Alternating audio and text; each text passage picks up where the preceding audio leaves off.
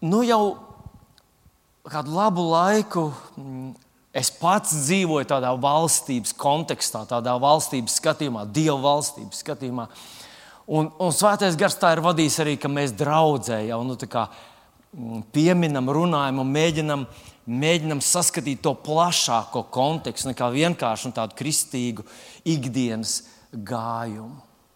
Un to rakstvietiņu, ko mēs jau esam lasījuši un gribu atgādināt jums no kolosiešu vēstules pirmās nodaļas, 13. pāns. Viņš mūs izrāvis no tumsības vāras un pārcēl savu mīļā dēla valstībā. Nevienmēr mūsu sajūtas iet tam līdzi, bet Dievs saka, hei, es tev pateikšu, kā tas ir īstenībā. Tu jau esi tur. Tie valstības likumi, privilēģijas un spēki jau darbojas priekš tevis. Tu viņus saņem tikai ticībā. Un šodien arī tā, tā sirsnīgi man gribējās, ka mēs ieskatītos tajā, jo, jo nu, vismaz svētais gars tā man to tā parādīja. Un es nosaucu šīs dienas vārdu, es nosaucu valstības prioritātes. Valstības prioritātes. Nu, Kādreiz mums tā liekas, tiešām, tā kā jūs dzirdējāt, līga lasīt tās Bībeles skolnieku tās atsauksmes. Es domāju, ka būs tā, izrādījās pavisam savu. Es esmu, nu, es nezināju, ka, ka tik daudz. Es nezinu, vai, vai tik daudz, esmu tik ļoti izsalcis, es nemaz to nezināju. Vienkārši atnācu un tā. Nu, manuprāt, arī runājot par Dievu valstību, ir kaut kāds prioritāts, kur mēs domājam, ka mēs zina. Nu, nu, es jau esmu draudzējis jau varbūt 5 gadus, varbūt 75 gadus. Nu, es taču, ah, nu, draudzē nav tik daudz gadu, bet, bet uh, es taču visu jau zinu. Nu, un, uh, varbūt tāds, tāda maza ilustrācija ar smaidu nu, par prioritātēm vai par. Nu, nu, vai mēs tiešām domājam, ka mēs visu zinām? Viens darbinieks atnāca pie sava bosa, pie sava priekšnieka, pie sava priekšnieka. Rītā man vajag brīvu. Tas ir ļoti nopietni. Es nevaru rītā būt darbā. Man tiešām vajag, lai tu man iedod rīt brīvdienu. Priekšnieks saka, rītā brīvu. Kas tev, kas tev par iemeslu? O, priekšnieks, tu zini, mums rītā mājā tiek plānota ģenerāla tīrīšana. Sieva grib visas mēbeles pārvīdīt, visas tepiņus raut nost un visu mazgāt, pucēt, tīrīt. Tur. Vārds, ko man vajag rītā brīvu.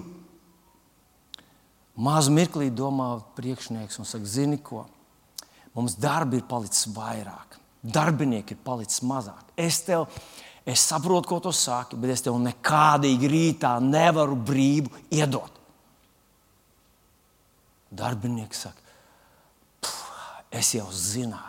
Man jau bija tāda nojausma, priekšnieki. Es zināju, ka uz tevi var paļauties. Paldies! Tev!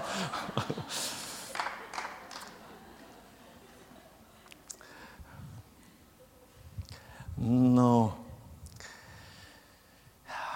ir vēl kāds stāsts, un arī, manuprāt, ļoti laba ilustrācija. Tas gan laikam nenotika uh, Rīgas pilsētā, tas notika kādā citā pilsētā. Mēs cilvēks saka, es aizbraucu un staigāja pa parku. Un pēkšņi ieraudzīja vienu strādnieku, un tas strādnieks ar tādu milzīgu entuziasmu rok bedrītes. Izrok bedru, tādu, nu, tādu, nu, tādu pieklājīgu bedri, nomēra tādu attālumu, viņam tāds mēr, mērs ir, un tad rok nākošo. Un viņš saka, skatos, un viņš tik cītīgi to dara, tik ļoti ar tādu. Ar tādu azartu un tādu pilnīgu nodošanos cilvēks roka bedrītes simetriski nākamo, nākamo, nākamo. Bet paskatos, pēc 20 metriem nāk tāds pats ar tādu pašu azartu, tās bedrītes aizber ciet. Nolīdzināt grābekli pie nākošā, atkal aizber ciet, nolīdzināt grābekli. Viņš saka, opā, kas te notiek? Viņš saka, tas cilvēks saka, es pieeju klāt un saka, draugi, ko jūs te darat? Es saprotu, jūs, jums patīk jūsu darbs. Es saprotu, ka jūs to darat tādā milzīgā nodošanos, bet es nesaprotu, ko jūs darat. Viens no tiem darbiniekiem saka, redz, mēs esam sezonas strādnieki.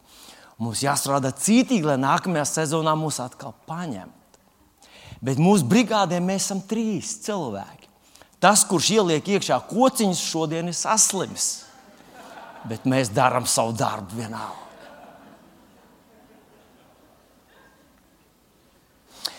Ziniet, manuprāt, tāda mazliet komiska ilustrācija, bet dažkārt, dažkārt arī mēs, kristieši, darām tieši tāpat. Mēs pazaudējam to lielo kopējo bildi, un mēs domājam, es vienkārši citīgi darīšu to, kas man jādara. Es vienkārši no sirds daru to, ko es daru. Un varbūt pazaudējam to to Jēzus doto, to plašāko skatījumu par to, kas ir tās svarīgākās lietas Dieva valstībā. Un šodien mēs paskatīsimies nu, vienu tādu garāku fragmentiņu, vienu Jēzus līdzību. Mēs izlasīsim, viņi būs uzrakstīti Lūkas, vai viņi ir uzrakstīti Lūkas evanģēlijā 19. nodaļā. Bet es gribu uzreiz pateikt priekš tiem, kas, kam varbūt atrodas vairāk laika un kas vairāk pievērš uzmanību, ka šī pati līdzība uzrakstīta divos evanģēlijos. Otrais viņa uzrakstīta Mateja evanģēlijā, 25. nodaļā, no 14. līdz 30. pantam. Tātad Lūkas 19, no 11 līdz 27, un Mateja 25, no 14 līdz 30. Kāpēc viņas ir uzrakstītas drusku atšķirīgi? Būtība, morāli ir tā pati, bet, bet ja tu palasīsi, tu ievēros, ka tur atšķirās tas, ko tas nama kungs deva, kam viņš deva, cik daudz deva. Un manuprāt, tas vienkārši svētais gars savā ģenialitātē, savā dievišķīgumā mēģinājums parādīt, nu, kā lai pasakā, to plašāko aspektu. Bet tas, mēs šodien nevarēsim visus izrunāt, bet, bet to pašu būtību mēs, mēs redzēsim. Un vispār es iesaku tam, mans mīļais brāl māsas, ka tu lasi kādu, kādu raksturvietu Bībelē, un tu tā, tā kā tev atverās, saki, ah, re, kur ir, es sapratu, kas tur ir. Ļoti ieteicams un ļoti veselīgi ir atrast paralēlo raksturvietiņu, jo Bībele pati sevi komentē un pati sevi paskaidro. Un dažreiz mēs izvairītos no tādām, tādām iesācēju kļūdām ar to vien, ka mēs tikai palasītu nu, tādas, tad, kā tad, kā tad kāds cits evanģēlists to pašu raksturvietiņu paskaidro. Tātad, bet es izlasīšu Lūkas evanģēlīju 19. nodaļu. Un, un, uh, viņš sākās, tātad šis fragments sākās ar 11. pantu, un es lasīšu pēc tam uz priekšu. Tad 11. pants skan tā. Viņiem klausoties, tas stāstīja vēl vienu līdzību. Tam dēļ, ka viņi Jēzum tuvu pie Jeruzalemes esot, domāja, ka tūlīt vajag parādīties Dieva valstībai. Uz mirklīti es apturēšu. Sākšu vēlreiz to lasīt, tas prasās mazs paskaidrojums. Tajā tekstā būs pieminētas minnas, bet tur nav nekādā gadījumā runa par meitenēm vai sievietēm vai, vai par cilvēkiem. Tas tāds varbūt latviešu valodā tāds neveikls vārds, tas apzīmē naudas vienību. Un es speciāli pameklēju, ko, cik liela tā naudas vienība ir. Un eh, vēsturnieks saka, ka, ka tā minna, kas mums ir pārtulkota kā minna, nozīmē naudas vienību, kas līdzinās trīs mēnešu algai. Tad mēs lasīsim pēc mirkļa, ka šis bagātais cilvēks, tas augstas kārtas cilvēks, izdalīja uh, desmit minnas. Piedodiet, izdalīja mm, desmit minnas, jā, desmit saviem kalpiem. Tātad viņš izdalīja desmit reizes trīs. Nu, es, protams, es tā pie sevis parēķināju, lai vieglāk es tādu apaļu ciparu padomāju, ka ja mēnesī pieņem, pieņemsim, ka ja mēnesī cilvēks saņemtu 1000 eiro, tad viena minna būtu trīs mēnešu alga, tie būtu uh, 3000 eiro. Tātad katram nu, šādi rēķinot, katram sanāktu, ka šis augstas kārtas cilvēks katram savam kalpam iedeva 3000 eiro. Tātad kopā viņš tajā dienā izdalīja 30 tūkstošus. Nu, bet tā tad lasām, izlasīšu visu perkopu, un pēc tam mēs drusku kopā padomāsim. Lasīšu vēlreiz 11. pantu. Viņiem klausoties, tas stāstīja vēl vienu līdzību. Tādēļ, ka viņi Jēzum tuvu pie Jeruzalemes esot, domāja, ka tūlīt vajag parādīties Dieva valstībai. Un viņš teica, kāds augstas kārtas cilvēks devās ceļā uz tālu zemi, lai saņemtu valstību un pēc tam pārnāktu mājās. Un attaicinājis desmit no saviem kalpiem, viņš tiem iedeva desmit minnas un sacīja: Pelnaties ar to, iekāms es pārnākšu. Bet viņa tautieši viņu nīzdam, ienīzdam, viņam aiz muguras nosūtīja vēstnešus un lika pateikt, mēs negribam, ka šis pār mums valda. Bet viņš pārnāca, kad bija valdības saņēmis, un nu lika atsaukt kalpus, kuriem viņš bija iedevis naudu, lai pārliecinātos, ko katrs ar to ir darījis. Tad ieradās pirmais un sacīja, kungs, tava minna piepelnīja desmit minnas. Tad viņš tam teica, labi, tu godīgais kalps, tāpēc, ka tu mazā lietā esi bijis uzticams, es tev dodu varu pār desmit pilsētām. Pēc tam nāca otrs un sacīja, tava minna, kungs, piepelnījusi piecas minnas. Šim viņš sacīja, arī tevis iecelšu pār piecām pilsētām. Pēc tam trešais nāca un sacīja: Kungs, šeit ir tava minna. Es to biju noglabājis sviedrautā, jo es baidījos no tevis. Tāpēc, ka tu esi bargs cilvēks un ņem, ko nēsi nolicis, kā arī pļauj, ko nēsi sējis. Tad viņš sacīja: No tavas mutes es tevi tiesāšu, tu nekrietnēs kalps. Ja tu zināji, ka esmu bargs cilvēks, ka es ņemu, kas ņem, kur viņš nav licis un pļauj, ko nav sējis, kāpēc tad tu manu naudu nesi nodevis naudas mījējiem? Tad es pārnācu to augļiem, būtu saņēmis atpakaļ. Un uz klātesošiem viņš teica: Atņemiet tam viņa minnu un dodiet tam, kam ir desmit minnas. Tad tie sacīja, kungs, viņam jau ir desmit minnas. Bet viņš atbildēja, es jums saku, katram, kam ir dos, bet kam nav, tam atņems arī to, kas tam ir. 27. pāns ir pēdējais. Bet tos manus ienaidniekus, kas negribēja, lai es pār tiem valdītu, atvediet šurp un nokaujiet manā priekšā.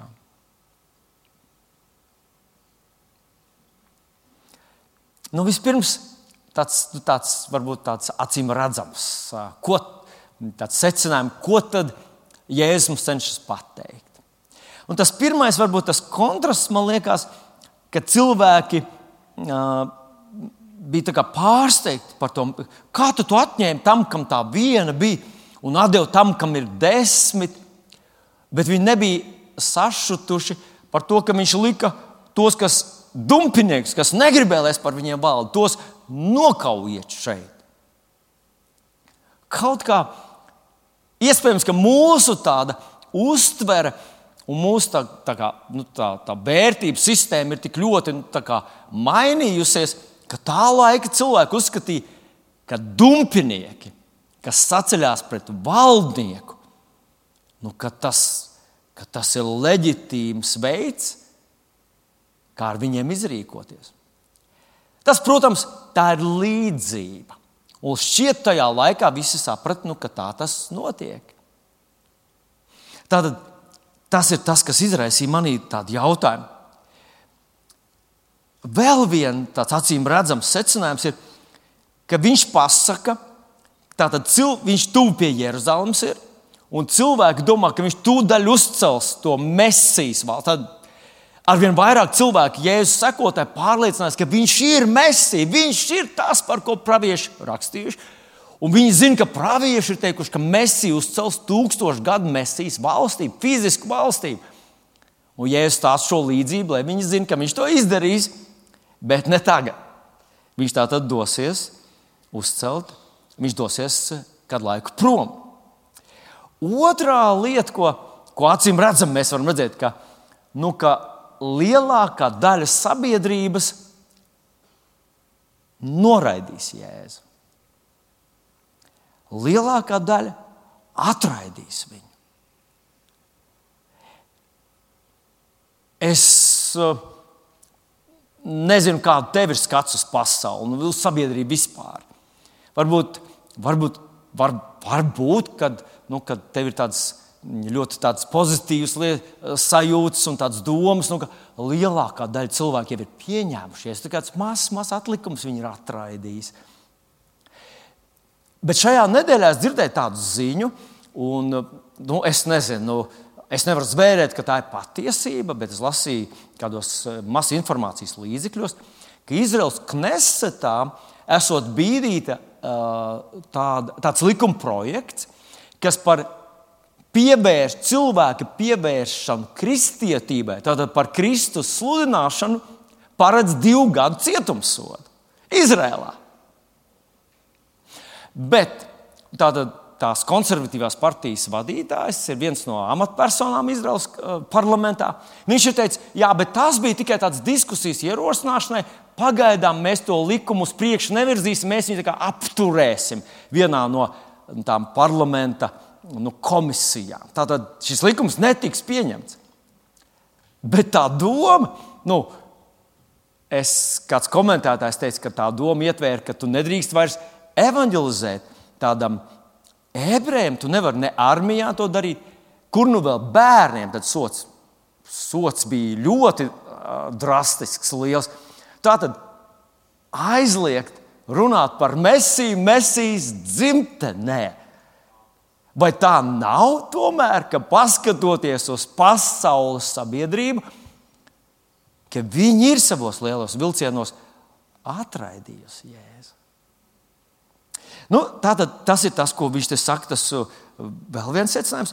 Un tad vēl viens tāds acīm redzams secinājums ir, ka viņam, ka neskatoties to sabiedrības nedraudzīgumu, Jēzum būs kalpi, un tie kalpi veiksmīgi darbosies, būs veiksmīgi savā uh, mesijas uzdevumā, neskatoties to, ka sabiedrība būs nedraudzīga pret viņiem. Un pēdējais secinājums, pirms mēs runāsim par trim prioritātēm, Un tas pēdējais secinājums ir tāds, ka katram no viņa kalpiem tika iedot viena minna. Tātad nu, mēs jau zinām, tā ir žēlastība, ka visiem vienādi, visiem piec, ne pēc nopelniem, vienkārši Dievs mīl Viņš visiem deva. Bet atalgojums un pilnvars tika piešķirts pēc rezultātiem. Tu desmitkāršoji, tev desmit pilsētas, tu pieckāršoji, tev piecas tu neko neizdarīji, tev atņēma. Un tad es domāju, acīm redzot, tā ir pareizi. Ir pareizi, ka pilnvars un varu piešķirt pēc, pēc cilvēku uzticības un rezultātiem. Nu, tas acīm redzam, es domāju, ka arī tu izlasīji šo līdzību, un tev arī uzreiz bija skaidrs visas šīs lietas. Bet tagad trīs, manuprāt, manuprāt ļoti nopietnas tādas prioritātes, kas mums atklāja, ka Dieva valstībā tas ir svarīgi. Un tā pirmā prioritāte, ka Dieva valstība, Jēzus vēlas, lai tu zini, kas notiek. Tātad, jā, lai tu zini, kur mēs esam, tu zini, kas ar mums notiks, viņš stāsta. Redz, Viņa mācekļi un sekotāji domāja, ka tūlīt Jēzus uzbūvēs šo fizisko mesijas valstību. Viņš saka, tas notiks pēc ilga laika bet pēc ilga laika es atkal atnākšu. Es atkal atnākšu. Un tad, kad es atnākšu, tad es uzbūvēšu to, par ko uzcelt šo mesijas valstību. Tad 12. pantā viņš ir kāds augstas kārtas cilvēks, devās uz tālu zemi. Tā doma, ka tas būs diezgan ilgi, lai saņemtu valstību un tad pārnāktu mājās. Šodien mēs esam tajā laikā, kad viņš ir prom. Viņš vēl aizvien ir prom. Jēzus ir mūsu sirdīs. Viņš ir klātesošs pie mums caur svēto garu, bet viņš pats nav. Viņa paša fiziski nav šajā pasaulē, bet vienā dienā viņš atgriezīsies. Un zinot, kas ir, kas ir tas, tas, tas īpašais? ko Bībele mums grib, lai mēs zinām, lai mēs neskatāmies, es jau nezinu, ja? es jau dzīvoju vienai dienai, es jau neko neplānoju, neko neskatos, es jau vienkārši pēdu brokastis un esmu par tām pateicīgs un, un, un, un nezinu, vai būs pusdienas. Tā, tā izklausās pēc tādas īstas kristīgas uzticēšanās un pazemības. Bet tajā pašā laikā Jēzus grib, lai mēs zinām, kas notiek un kas notiks. Un tātad, ja pirmo reizi viņš atnāca tāds lēnprātīgs, viņu varēja atraidīt. Jānis pirmajā nodaļā, 12. pantā, saka, viņš nāca pie savējiem, bet tie viņu neuzņēma. Turpat Mateja evanģēlijā 12. nodaļā mēs lasām, ka ne viņš bārsies, ne brēks, ne dzirdēs uz ielām viņa balsi. Tātad mēs zinām, ka viņš sludināja uz ielām. Tajā pašā laikā pravietis saka, nedzirdēs viņa balsi. Tas nozīmē, nu, es nezinu, es nezinu, vai jums ir bijusi tāda pieredze. Uh, man stāstīja kādi cilvēki, kas bija devušies kopā ar, ar jahtu, uz jahtas ar cilvēkiem no Izraēlas. Tātad vien, nu, laikam tā bija latviešu ģimene, kas devās ar tādiem, Izraels, tādiem īstiem Izraels emocionāliem cilvēkiem uz jahtas. Viņi tādā dodas kaut kur, un viņi saka, kādā vietā. Uh, tie latvieši skatās, un tie izraelieši. Un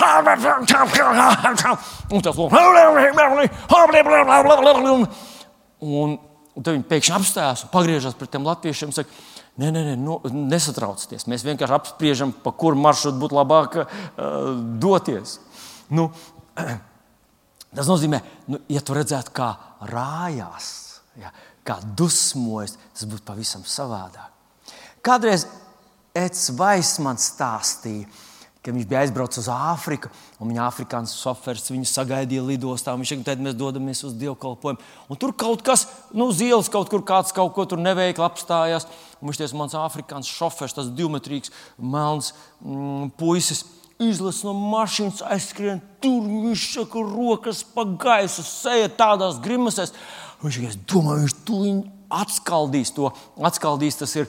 Nu, o, i, i, fi, paskaidros ar rokām, jā, ka, kas tam nepareizi tika izdarīts.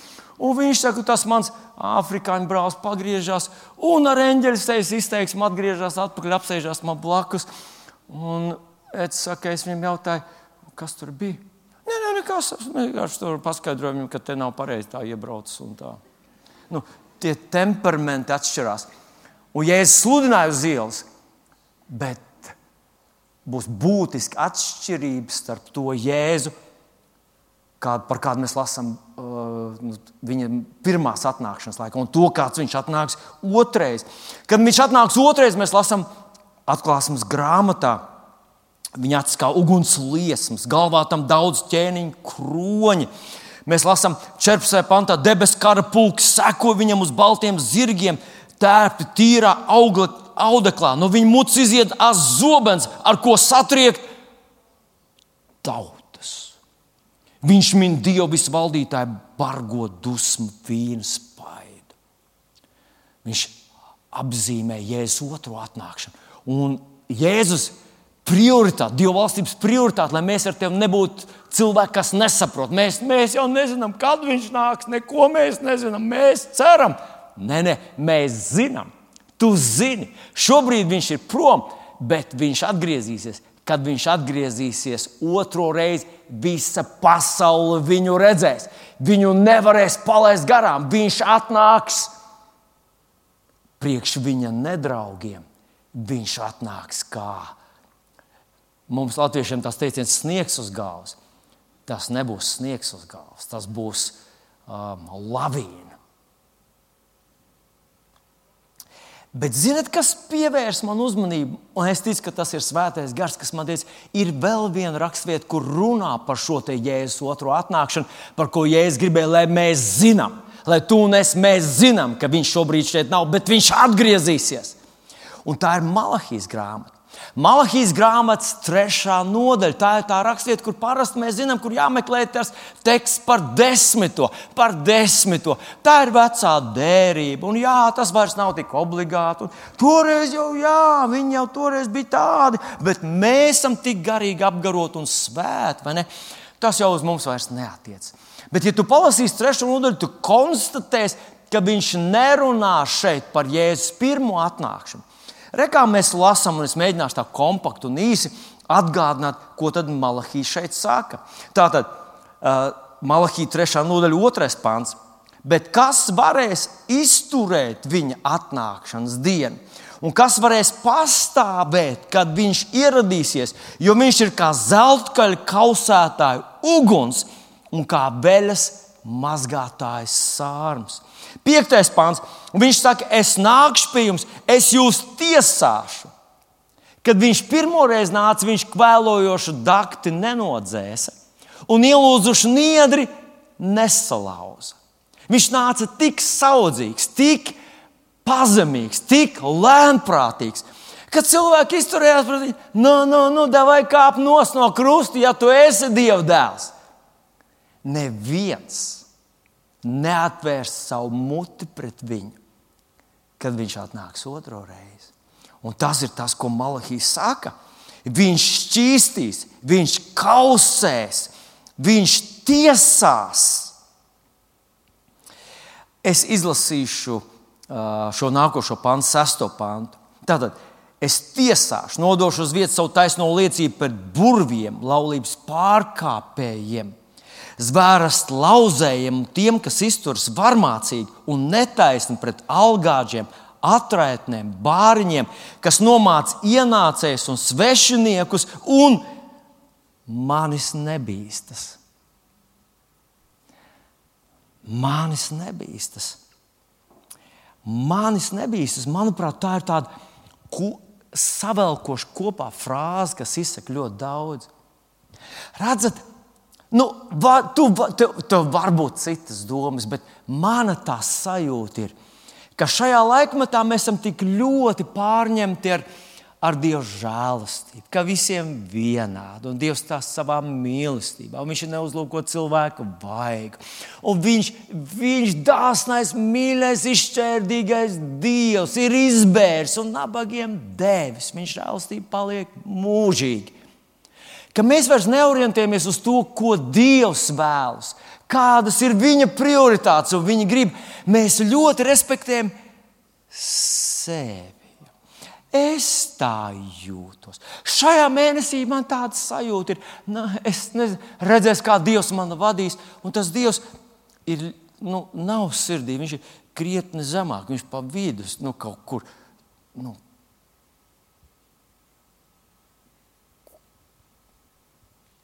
kurš kādreiz tur kur viņš ir. Nu, kā man gribas, nu, kā, kā, kā es sevi bīstos. Es īstenībā pasaulē šodien tas ir tik izplatīts viedoklis, ieklausies sevi. Aizbrauc uz Indiju, atrodi sevi. Es esmu sevi pazaudējis. Vai jūs neesat redzējuši mani kaut kur? Es staigāju apkārt un meklēju, kur ir vilnis. Palīdziet man viņu atrast. Bet viņš runā par laiku, kad cilvēki vairs ne tik ļoti fokusēsies uz sevi, ka viņi fokusēsies uz Dievu, ko tu gribi, kā tu gribi.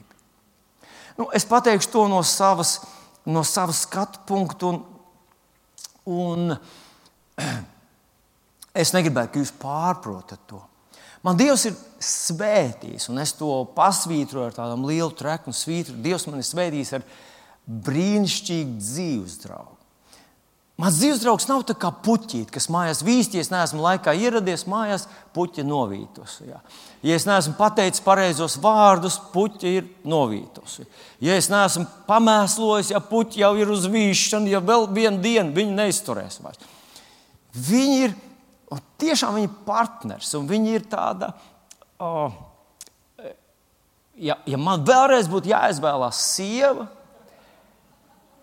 es nevaru iedomāties, skatīties apkārt. Es izvēlētos vēlreiz savu mīļo, uzticamo, maigo, sirsnīgo, talantīgo, stipro un drosmīgo meiteni līgu. Bet ir tāds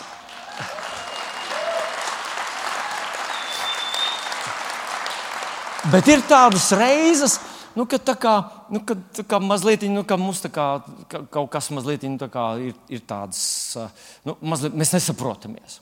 Un tad es līgai saku, tā, ir tāds reizes, kad esmu teicis, Līgiņ, izdarīsim, kā vajag, pasaki, kā vajag. Un tad viņi nevienmēr uztver uzreiz, saprot pareizi. Viņi saka, nē, nu, vajag izdarīt tā un tā un tā. Nu, viņi saka, tu ko vajag, jā, tas ir tas minimums, ko vajag. Un tādās reizēs man gribas viņai pateikt, zini, minimums nav jautājums. Izdarīsim par to vispār. Mēs nedomājam, mēs nelauzam galvu. Tev nav jālūdz Dievu, lai mēs izdarām minimumu. Mēs to izdarīsim. Bet, ja tev ir vēl kaut kas, ja ir kaut kas tavā sirsniņā, tavā dvēselē, kā tu gribētu, es gribētu izdarīt visu, lai izdarītu tā, kā tu vēlētos, tā kā tev šķiet tas pareizi. Un, manuprāt, tam būtu jābūt īstam Dieva bērnam. Tas ir tas, par ko Malahīties raksta. Kad mēs, kad mēs, kungs, gribam izdarīt nu, ne tikai minimumu, lai esam glābti, minimumu, lai neesam nolādēs, neesam ellē, bet es, kungs, nu, ah, kungs, kā es gribētu saprast vēl labāk, kas ir tas ideālais tavs ceļš, tas ideālais tavs nodoms. Un tas ir tas, par ko Malahijas saka, ka pienāks tāds, tāds brīdis, tāds laiks, es sakārtošu, paklausies, es sakārtošu savu tautu. Un es domāju, viņš, protams, runā par mums ar tevi, vispirms par savu draugu.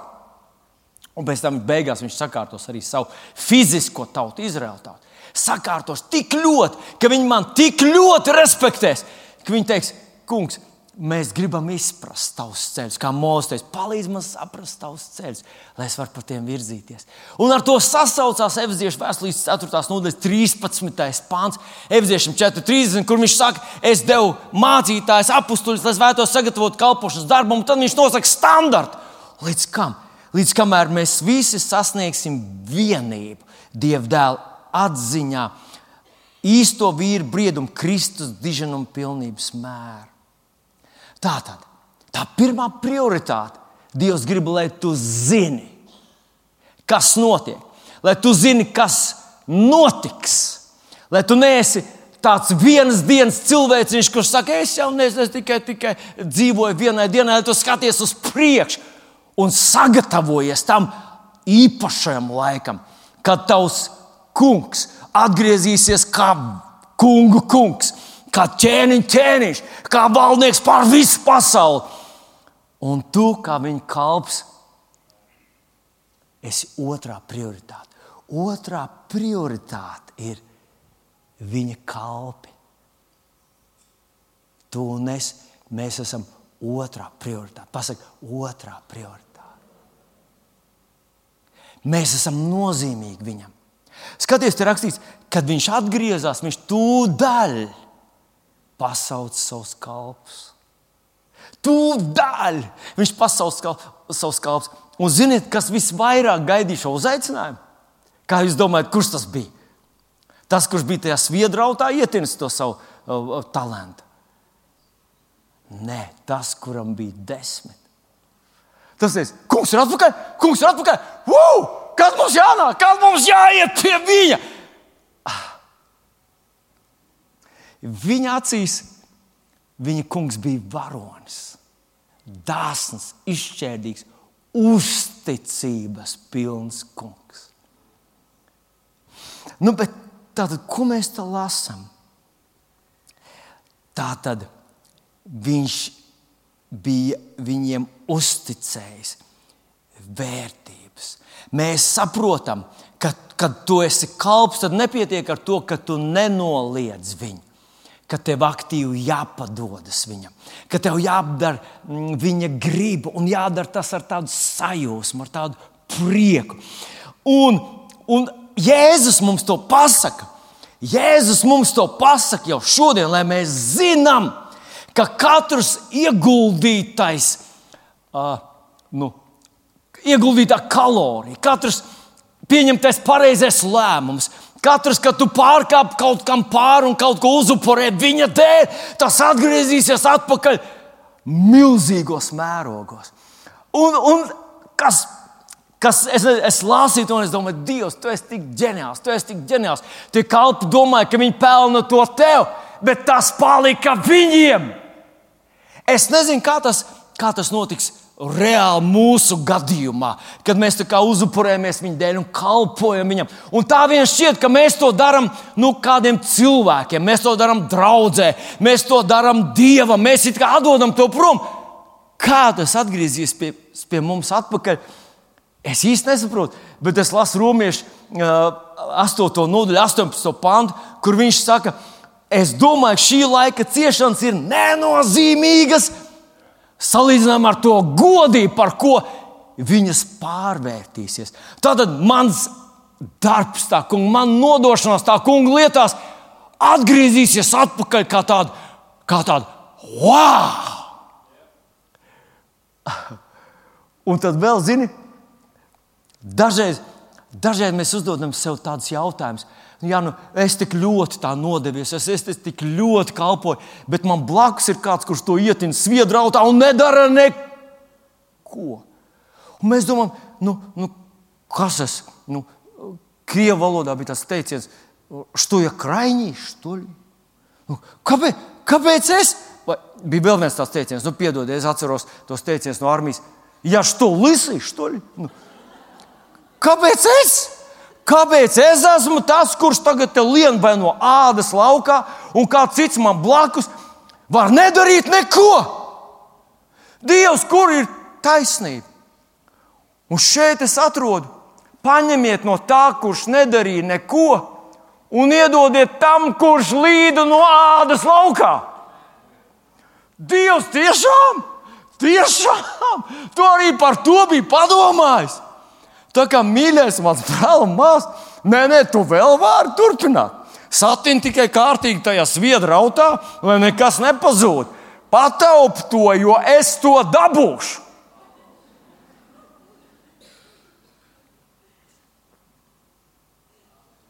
Tā otrā prioritāte ir viņa kalpi. Viņš ir rūpējas par mums. Viņš nav eksploatators. Mūsu dēļ viņš vispār visu to uzticēja. Un, ziniet, es palasīju komentārus, un, un pētnieku viedokļi sadalās divās kategorijās. Viena saka, ka tās minas simbolizē pestīšanu. Lūkas evanģēlijā tas ļoti skaidri redzams, ka visiem vienādi. Visiem vienādi viņš iedeva. Nu, tu pieņēmi jēzu par savu kungu, tu izdarīji to lielā, daudz tūkstošu draugu, vai tu izdarīji to uh, popē, kaut kur viens pats iznāca tur mazā draudzītē, teica, Jēzu, lūdzu, es mans kungs. Visiem vienādi.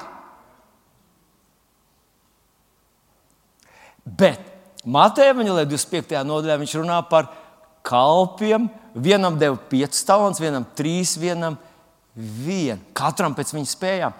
Un tur tie otri pētnieki saka, ka tās otru nozīme drīzāk ir, ka viņš dod talantus, prasmes, viņš dod visus tādus dāvanas.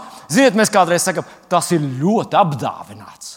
Un mēs redzam, ah, paskaties, nu, apdāvināts pats fakts apdāvināts. Tas viņš nav mammas vēdā ļoti strādājis, un tāpēc viņš teikt, ir nopelnījis kaut ko. Viņš ir apdāvināts, Dievs viņam to ir iedevis.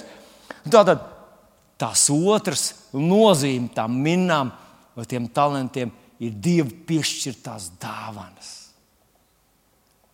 Un viens no tiem kalpiem to uztvēra ar tādu apgrūtinājumu. Viens no tiem kalpiem sacīja, ka man tas Dievs ir tik prasīgs.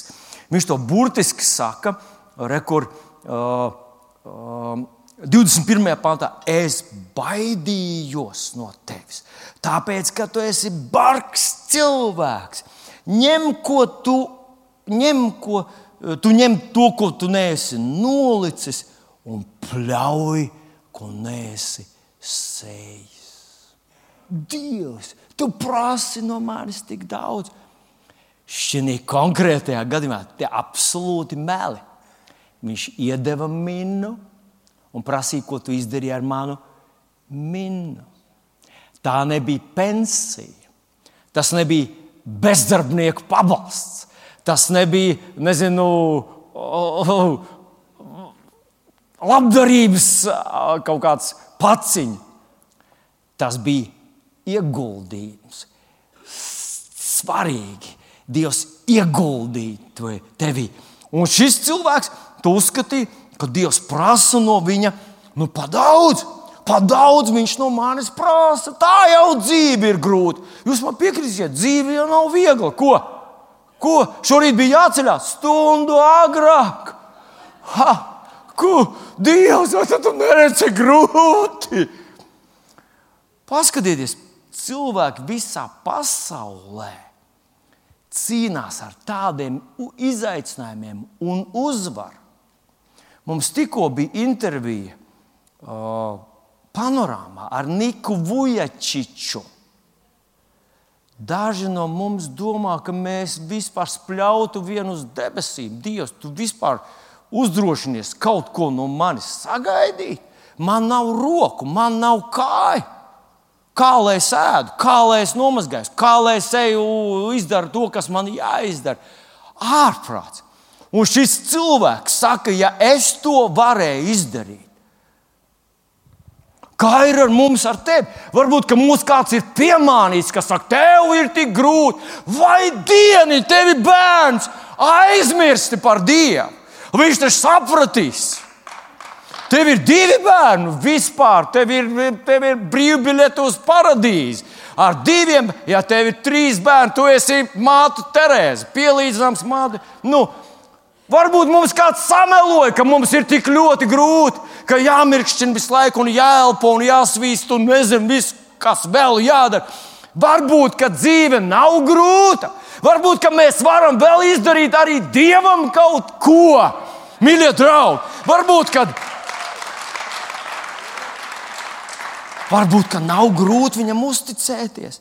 Un, zinot, protams, te nav runa par to, ka šis kalps, kurš deva visu, cik viņam bija iedots, viņš neko nebija pazaudējis. Reku, es visu to salasīju, atnesu tev, vai tiešām tev tas pieaugums, tie augļi ir tik svarīgi? Nu, ko jūs teikt, es jums teiktu, vai tie, tik svarīgi ir tie augļi, tas pieaugums? Ko?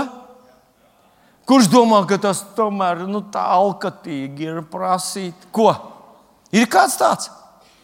Tu aizbrauc pie fermera uz lauku un pasaki viņam, vai tu būtu ar mieru visus tos graudus, kurus tu izbēri, tos pašus tikpat daudz rudenī salasīt atpakaļ. Vai tu ar tiem izdzīvos? Un fermers uz tevi skatīsies teiks, nē, pieaugums ir jābūt, nu, tas maz bija. Tam bija jābūt. Es bez tā nevaru, tas nedarbojas. Tā, tā, tam nav jēgas, ja tur nav pieauguma. Ja es tik kartupeļus, cik iestādīšu, tik arī noņemšu, tad mēs nevaram dzīvot. Tas, tas, tas ir katastrofa. Es vakar runāju ar vienu uzņēmēju, kurš, kurš ar tādu lielu tehniku sniedz pakalpojumus. Viņš saka, ja es nevaru nopelnīt, ja es saņemu tikai tik, cik esmu nodedzinājis un iztērējis, tad, mēs, tad, tad viss apstājās. Tad, tad nekas nenotiek. Un es redzu šeit, mīļie draugi, ka tā trešā prioritāte tavam un manam kungam ir pieaugums, augļi. Bet ļaujiet man pirms tam parādīt pirmā vēstulīte korintiešiem, trešā nodaļa, kur viņš runā tieši par šo situāciju. Nē, tas kalps netiks izmests ārā, netiks pazudināšanā aizraidīts. Pāvils par to raksta 1. korintiešiem 3. nodaļā. Viņš saka, ja kādu darbs, ko tas uzcēlis, paliks, tas dabūs algu. 15. pāns. Bet, ja kāda darbs sadegs, tad izrādīsies, ka nekā tur nav, nekā jēdzīga, nekā īsti mīlestībā un ticībā uz savu kungu darīts. Nav. Tad, pats, tad viņam būs jācieš, bet viņš pats tiks izglābts bet tā kā caur uguni. Un, manuprāt, šī ir lieta, ko Jēzus gribēja, lai mēs zinām. Mēs neejam vienkārši uz turieni ar tādu, nu, nu redzēs, kā būs. Kurš to var zināt? Varbūt Dievs ir tik ļoti radošs ka viņš spēs manā mājas dzīvē saskatīt milzīgu nodošanos un kalpošanu. Kas to zina? Varbūt Dievs tā prasīs sarēķināt, ziniet, labs grāmatvedis sarēķināt, kā vajag. Nu, ka beig beigās izrādīsies, ka es esmu devis desmito pats sev nezinot. Varbūt es esmu ļoti liels labdarījis, ka es ēdu tur McDonald's, jo redzu, tur kāds kaut kur tur, nu, tur kaut kur, tur, kur izmet ārā mans pārtiks tos atkritumus, tur kāds ēda no viņiem. Un, uh, Dievs teiks, paldies tev, ka tu vienmēr neapēdi visus kartupeļus, jo kādu tu esi izglābis kādam dzīvību. Un mēs domājam, mēs nezinām, kā tas būs. Un, ja esmu skaidrs, saka, es gribu, lai jūs zinat, kā tas būs. Pieaugums ir svarīgs. Pieaugums ir svarīgs. Katrs no tiem desmit dabūja savu minnu. Bet atalgojums vai vāra tika piešķirta pēc rezultātiem. Jēzus. Mēs lasījām Iesai grāmatā, 9. nodaļā, mēs lasījām kādu laiku atpakaļ, 6. pantā, Ziemassvētku vēsti. Mēs lasījām 6. pantā, viņa valstība ies plašumā, miers būs bez galus, Dāvida troņa, viņa ķēniņa valstībā, viņam to nosprinot un atbalstot ar tiesu un taisnību no šā laika mūžīgi. To darīs tā kunga cebauta dedzīgums. Kas tur bija teikts? Viņa valstība ies plašumā, viņa valstība ies plašumā. Viņa pavairosies. Redz, paskaties, cik interesanti 23. pantā šis te, uh, bagātais kungs saka tādus vārdus.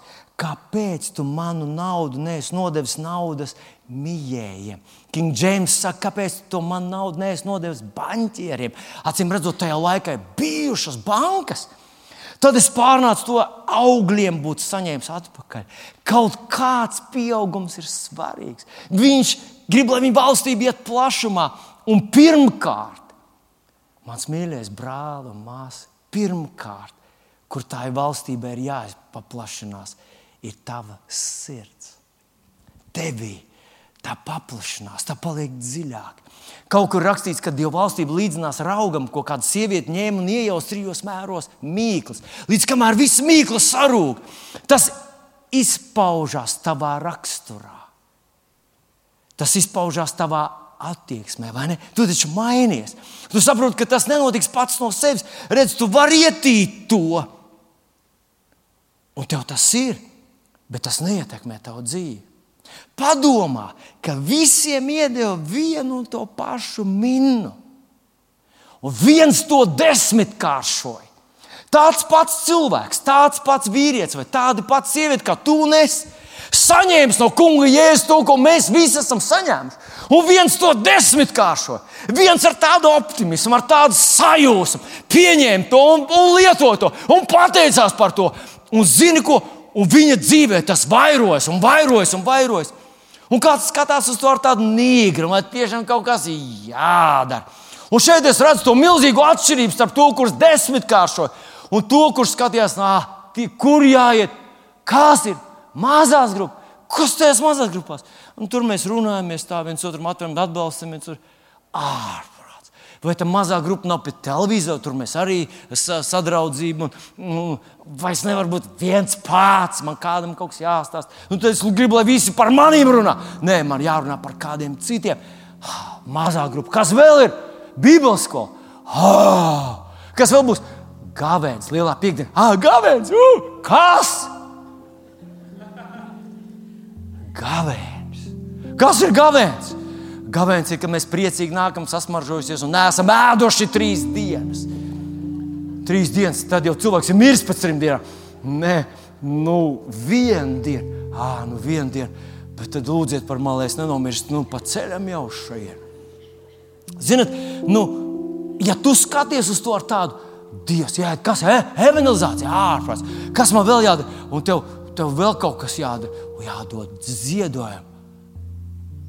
À, nu es sapratu, par ko viss tas ir. Es tagad zinu, Jānis Desmits. Ja. Man jau brīdina, man ir brīdina, līdz tam nonāks. Jā, es zinu, viss ir par naudu. Es labāk aiziešu dominā pastaigā. Tur viņi grib vienkārši mani svētīt. Tur viņi mani gaida, jo es viņiem patīku. Tur viņi mīl mani, tur lūdz par mani, katrs pārdevējs lūdz par mani. Jūs piedodiet man, mēs ar Līgu bijām tirdziņā vakar vai aizvakar, aizvakar laikam. Un tur viens cilvēks, pie kura neviens neiet klāt, pārdevējs. Un tad Līga iet garām, un viņš ir tādu urbjušu skatienu. Es domāju, varbūt viņš hipnozi pielieto. Bet Līga papildināja garām, tā kā, ziniet, kruīzes kuģis un, un pat nepagriezis savu skatu uz viņu pusi. Un es domāju, es nebrīnītos, ja būtu pārdevēji, kas tur stāvētu un lūgtu Dievu, vai burtos, vai hipnotizētu, vai darītu visu, ko, lai tikai kāds pie viņiem pienāk. Bet mēs dažreiz to asociējam ar Dieva lietām, un tas ir šī attieksme. Un, zini, tas puisis bija absolūti neveiksmīgs.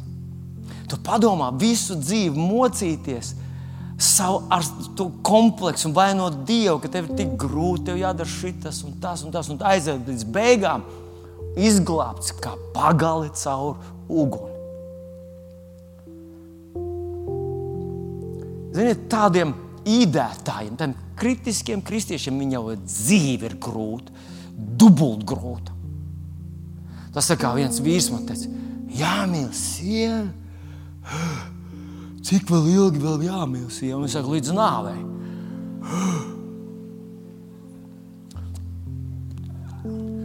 Kāds cits ar prieku man ir sieva.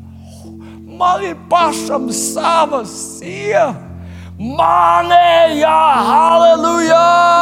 Dievs, paldies tev par dzīves draugu! Kāds pats sev pārvērš laulību par katorgu, kāds pats sev pārvērš attiecības ar Dievu par katorgu, kāds pats savu dzīvi sev pārvērš par katorgu.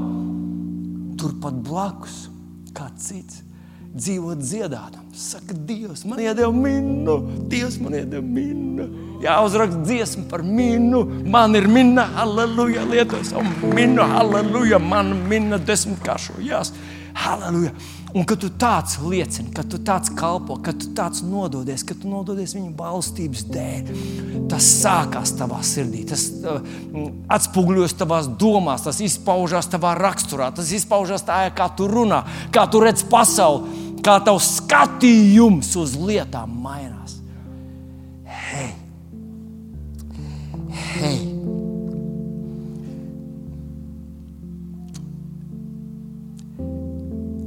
Es jums parādīšu, kāda izskatīsies draudzene pēdējās dienās. Malahija grāmata, trešā nodaļa, desmitais pāns. Tas būs pēdējais pāns, kur es šodien runāju. Mēs tuvojamies, strauji tuvojamies noslēgumam. Vēl drusciņi iztur, mīļais, mans brālmās. Bet atnesiet katrs savu desmito tiesu pilnā vērtībā manā klētī, tā, lai manā mājā būtu barība. Es ticu, ka desmitais neglābi. Es ticu, ka ar desmito nevar nopirkt Dieva mīlestību vairāk. Es ticu, ka desmitais neatver debesu logus un nepadara mūs par Dieva bērniem. Es ticu, ka nedodot desmito, es neesmu nolādēts, un Dievs nedusmojas uz mani, nesvītro man no bērnu pulka.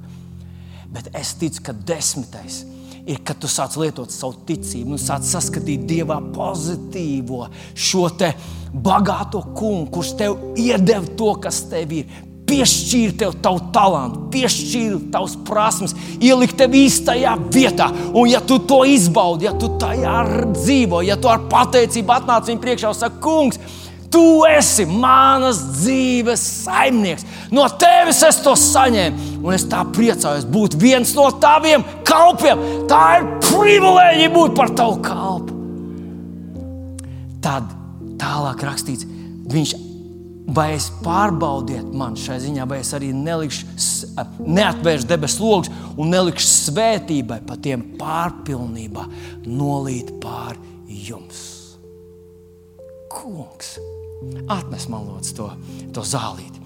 Es nezinu, varbūt matķinīt neveiklu ilustrāciju, bet es gribu to tev atnest. Un rekur viens, jā, rekur ir viens, viens parasts mīļš kristietis. Un tā ir viņa dzīve, re, kur viņa dzīve ir. Un viņš vienā dienā iemīl savu kungu un pieķerās viņam. Un saka, kungs, tu man esi devis tik daudz, un es pateicos tev, un slavēju tev, un godinu tevi. Es esmu viens no taviem kalpiem. Es zinu, kas notiek, un es zinu, kurp es virzos. Es esmu tavs prioritāte, un es zinu. Un tad domā, hei, bet pieaugums. Jā, kungs, es atnesu savu desmito. Un tas tas vidusmēra standarts ir kāds. Es atnesu savu desmito, un saku, kungs, un tad svētī to manu dzīvību. Un reku viņi ir. Un es svētīju manu dzīvību, un es, es baudu to. Nu, saku, kungs, svētī to man pļaulē, no viņš nāk, lai es palieku bagāts. Un, un kādreiz tu to redzi, ka cilvēks, cilvēkam ir tāds, tāds mazs, kompakts, ērts dzīves modelītis. Viņš saka, es dodu desmit, un es nezinu, kā tas viss kavējās, un, un jā, gadiem tas viss ir. Bet tur, manuprāt, Dievs ultimatīvi saka, pārbaudiet man, tas darbosies, jūs redzēsiet, piedodiet, ka es mētāju. Tā nav īsti dzīve zālīte. Es domāju, jūs saprotat. Jā. Bet kā Dievs bija iecerējis? ka tā tad šī ir mana dzīve. Un es saku, kungs, es priecājos, ka es varu kalpot tev. Es nododos tev, es esmu tavs kalps. Un tad tu esi iedevis desmito. Dievs grib, ko viņš sagaida, ka tu pacels savus acis apkārt. Pa logu mēs skatāmies, tu ieraudzīji pasaules, tu ieraudzīji izdevības, tu ieraudzīji to, ko Dievs tev grib parādīt, kaut kādas jaunas atbildības, jaunas ceļus, kā Viņš tev grib vadīt. Varbūt, varbūt Viņš grib, lai tu paplašinies, lai tu Manuprāt, vispār kristiešu dzīve ir par atbildības uzņemšanos. Un, ja mēs uzņemamies atbildību par savu mazo dzīvību, jā, es esmu piecos mājās, un tad līdz vakaram es, es sēžu pie televizora, un Dievs, kur ir tas viss tavs svētība, tas tā var iesākt. Bet tad saka, kungs, kungs, es gribu ko, jā, halleluja, šito es esmu apguvis. Un tad, tad, tad tu varbūt saki tā, hei, panāc šo pie manis. Jā, jā, to, to man patīk, man auguma puiša, nostājas man blakus. Ļoti, nē, nē, nē, nē, nē. paņem atpakaļ. Neņem no svešiem cilvēkiem. Ne, ne. Un tad tu saki, paklausies, rekur, es tev uzticēšu atbildību. Ja? Tu no tāda būs 10%. Ja? 10% aizies Dievam, un 80% būs man. Tev būs 10%. Un es saku, kungs, rekur, kungs, rekur man ir, es paplašinu savu dzīvi, es paplašinu savu atbildību. Kungs, es uzņemos vēl par kaut ko. Manuprāt, vispār tur rakstīts, es likšu svētībai nolīt pār jums. Ziniet, kas ir svētība? Spēks. Dievs tev dos spēku sagādāt labklājību. Mēs gribam, viņš met naudu zemē, bet viņš tev dos iespējas. Viņš tev atvērs durvis. Tas sākās ar to, ka tu paskaties apkārt, nevis kā tāds vajāts zvēriņš šajā pasaulē. Tu viss man nevienu, man ir tik grūti, es gribu uz debesīm. Tu būsi tur. Tic man, tu būsi tur. To nevar novērst. Nav iespējams to novērst. Ja tu esi uzticams Dieva bērns, Dievs neprasīs tev. Tad, kad pienāks laiks, tu vienkārši un tu būsi prom. Tu pat nesapratīsi, kā tas notika. Bet kamēr tu esi šeit, varbūt vēl kāds cilvēks ir. Varbūt šis ir tavs cilvēks nākošais. Par ko tu sāc skatīties uz viņu? Saka, kungs, ah, reku vēl viens Jānis. Kungs, kā tas ir? Kā man viņam piebraukt? Kā man viņam pateikt? Kā man viņam pieskarties? Kā man izstiept savu roku un uzlikt savu roku viņam? Un varbūt tu vienkārši ej pusdienā, saki, jā, nu kā ir, kā tu jūties, bet tu pie sevis saki, Dievs, tavs spēks, tavs spēks, tavs spēks. Mēs ticam! Mēs ticam, ka tas, ko viņš saka, ka viņa kalpi veiksmīgi darbojas, neskatoties to, ka sabiedrība bija noraidoša. Viņa kalpi sapelnīja, pavairoja Dieva dotos talantus vienreiz runa ir par tevi un mani. Viņa prioritāte, lai tu zini, kas notiek. Tu esi viņa otrā prioritāte. Un trešā viņa prioritāte ir, ka tā dieva valstība, kas tevī pieaug, ka tā aizsniedz tos, kas tev apkārt. Un es tev apsolu. Nu, e, es nekas neesmu, lai apsolītu. Lūdzu, nevilties. Lūdzu, nesāc skatīties to kā uz apgrūtinājumu. Ah, tu prasi atkal no mums. Ah, tajā mēs visi esam labi. Paskatīties, kungs, paldies tev par iespēju apliecināt. Paldies tev par iespēju pieskarties. Es vispār domāju, kad kristietis uzliek roku, piemēram, neveseliem tie rokas uzliks. Tu vienkārši ejam blakus, saki, nu kā ir jātur. Vai tev palika vieglāk? Vai tev vairs nesāp? Zini, paklausies, paldies tev. Jā. Pa, aplaudēt, lūdzu, mūsu brālim, kurš mums izpalīdzēja. Jēzus vārdā tu vari būt tas cilvēks, kurš saņems to minūto desmitkāršu. Tev ir tas potenciāls. Dievs ir ar tevi. Maksimāli ar tevi. Maksimāli ar tevi. Maksimāli ar tevi. Dievs ir ar tevi maksimāli. Dievs ir ar tevi maksimāli. Dievs ir ar tevi maksimāli.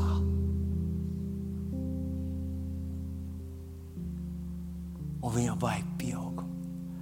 Tas nav tā, nu, ja atgriezīsies, būs labi. Ja neatgriezīsies, ko darīs. Ne.